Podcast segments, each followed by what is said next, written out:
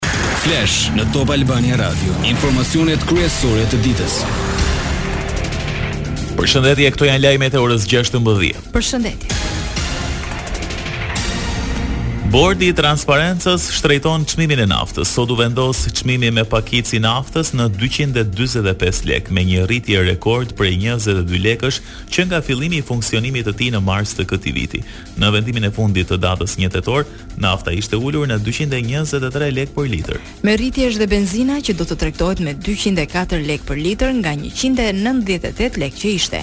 Gazi tregtohet me shtatëdhjetë e shtatë lekë për litër nga shtatëdhjetë e tetë lekë që tregtohej deri më tani. Enti Rregullator i Energjisë mblodhi sot Bordin për çështjen e çmimit të energjisë elektrike pasi qeveria vendosi mosaplikimin e fashës për abonentët familjarë. Kreu i ERE-s, Petrit Ahmeti tha se çmimi për OSHEE-në nuk do ndryshojë për muajin tetor dhe se mbetet dy pikë gjashtë lekë për kilovat orë, ndërsa pohoi se vendimi nëse çmimi ndryshon muajin e ardhshëm do bëhet në fund të muajit, pasi atëherë lexohet përcaktimi i tarifës mbi kosto.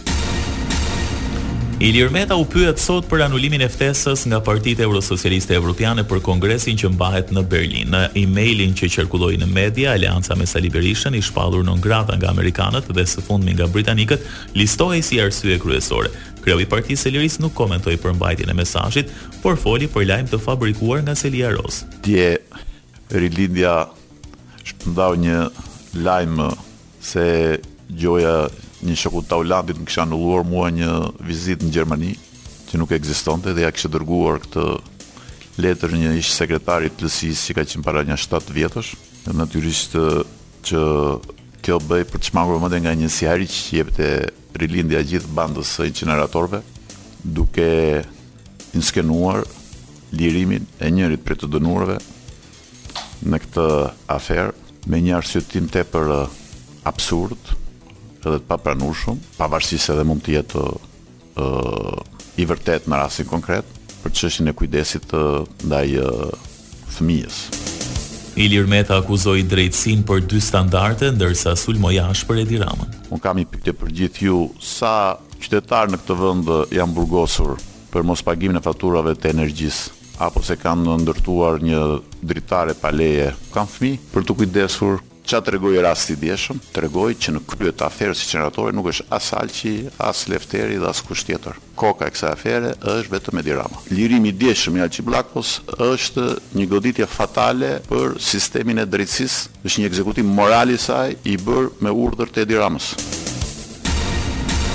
Bashkëbisedimin me gazetarët ish-kryeministri Sali Berisha e zhvilloi sot në Gjirokastër ku vuri theksin në primaret për zgjedhjet vendore duke garantuar se do bëhet gjithçka për një garë të ndershme dhe transparente. Kandidatura në Bashkinë e Tiranës do të jetë një kandidaturë e përbashkët e opozitës shqiptare, e cila do dalë nëpërmjet primareve. e hapur për eksponentë partiakë dhe jo dhe qytetarë e specialistë të ndryshëm, ekspertë të fushave të ndryshme. Por si do të votohen emrat e kandidatëve vendorë? Nuk do votojnë vetëm anëtarët e Partisë Demokratike, por do votojnë edhe simpatizantët e Partisë Demokratike, sipas listave që do të bëjnë seksionet e Partisë Demokratike dhe jo kryesitë e Partisë Demokratike dhe jo kryetari i Partisë Demokratike. Ne nga primaret nuk heqim dorë. Janë është kategorike, është rithemelimi ynë dhe nuk heqim dorë. Kryedemokrati shpjegoi dhe mënyrën e bashkëpunimit me aleatin Ilir Meta. Është rënë dakord, zoti Meta mendon se ai do përqendrohet totalisht pothuajse ose në do mbështesë kandidatët tanë dhe do përqendrohet në listën e këshillave. Aleatët e tjerë është ra dakord që pranojnë testimin e primareve, por kërkojnë një testim shtesë dhe ne s'kemi kundërshtim.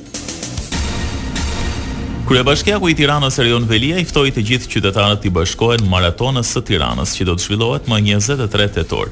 Gjatë një takimi me përfaqësues të sportit, ai kujtoi se maratona që deri dje as nuk perceptohej nga qytetarët si event sportiv, sot është kthyer në ngjarjen më të madhe sportive të vitit. Kur shumë njerëz më pyesin, po mirë, ky vit i rinisë, ça, pse duhej patjetër? Ne s'na pengonte asgjë, ne mund të kishim bërë gjitha këto aktivitete. Po është tjetër prestigj për qytetin, është tjetër stimul kur ndajmë buxhetin, është tjetër mënyrë se si marketohet brendi, se qyteti është një brend, siç secili sport gjithashtu ose secili emër i një kampioni është një brend dhe ka një vlerë, Ashtu dhe qyteti është një brend. Tirana vlente më pak si brend përpara ca vitesh kur plehrat ishin mullar, vlen më shumë sot, kur njerëzit thonë ore në këtë qytet mos të jesh tre muaj s'e kupton ku je se ka ndryshuar shumë shpejt. Ndaj dhe unë besoj që për brendin e Tiranës dhe të sportit të asociuar bashkë, marrja e këtij titulli është shumë e rëndësishme.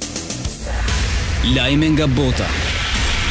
Pamjet e dyzet liderëve evropianë që rrethuan presidentin francez Emmanuel Macron në Pragë ofruan një imazh simbolik të unitetit në në kontinentin e përballur me krizën e sigurisë më të rëndë në dekada. Mesazhi kryesor i përcjellë në këtë takim të parë ishte izolimi i Rusisë. Presidenti ukrainas Zelensky, duke iu drejtuar pjesëmarrësve nëpërmjet një video lidhje, U bëri thirrje udhëheqësve që ta shndërrojnë komunitetin e ri politik në një Komunitet Evropian të Paqes.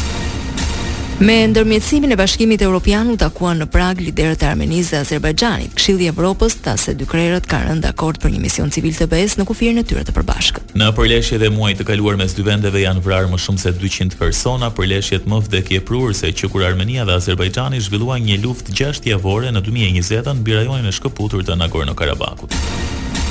Çmimi Nobel për Paqen iu akordua sot një aktivisti bjellorus dhe dy organizatave për të drejtat e njeriut nga Ukraina dhe Rusia.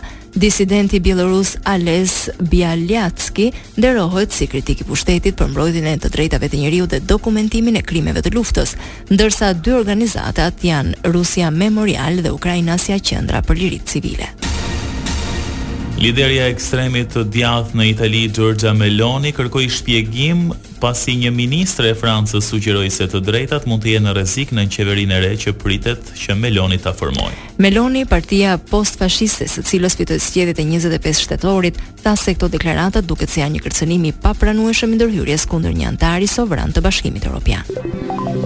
Parashikimi i motit. Vendi ynë do të vijojë nën ndikimin e kushteve të qëndrueshme atmosferike falë masave ajrore të thata me origjinë veriore. Moti parashikohet i kthjellët thuajse në të gjithë territorin, por nuk do të mungojnë as vranësirat kalimtare. Sa i përket temperaturave, ato variojnë, në zonat malore gjashtë deri në njëzet e gjashtë gradë, në vendet e ulëta tetë, njëzet e nëntë dhe në bregdet nga dymbëdhjetë në njëzet e nëntë gradë Ndoqët një përmbledhje të lajmeve kryesore të ditës. Edicioni informativ i radhës është në orën 17. Unë jam Anibam. Unë jam Edi Hallaçi. Kjo është Top Albania Radio.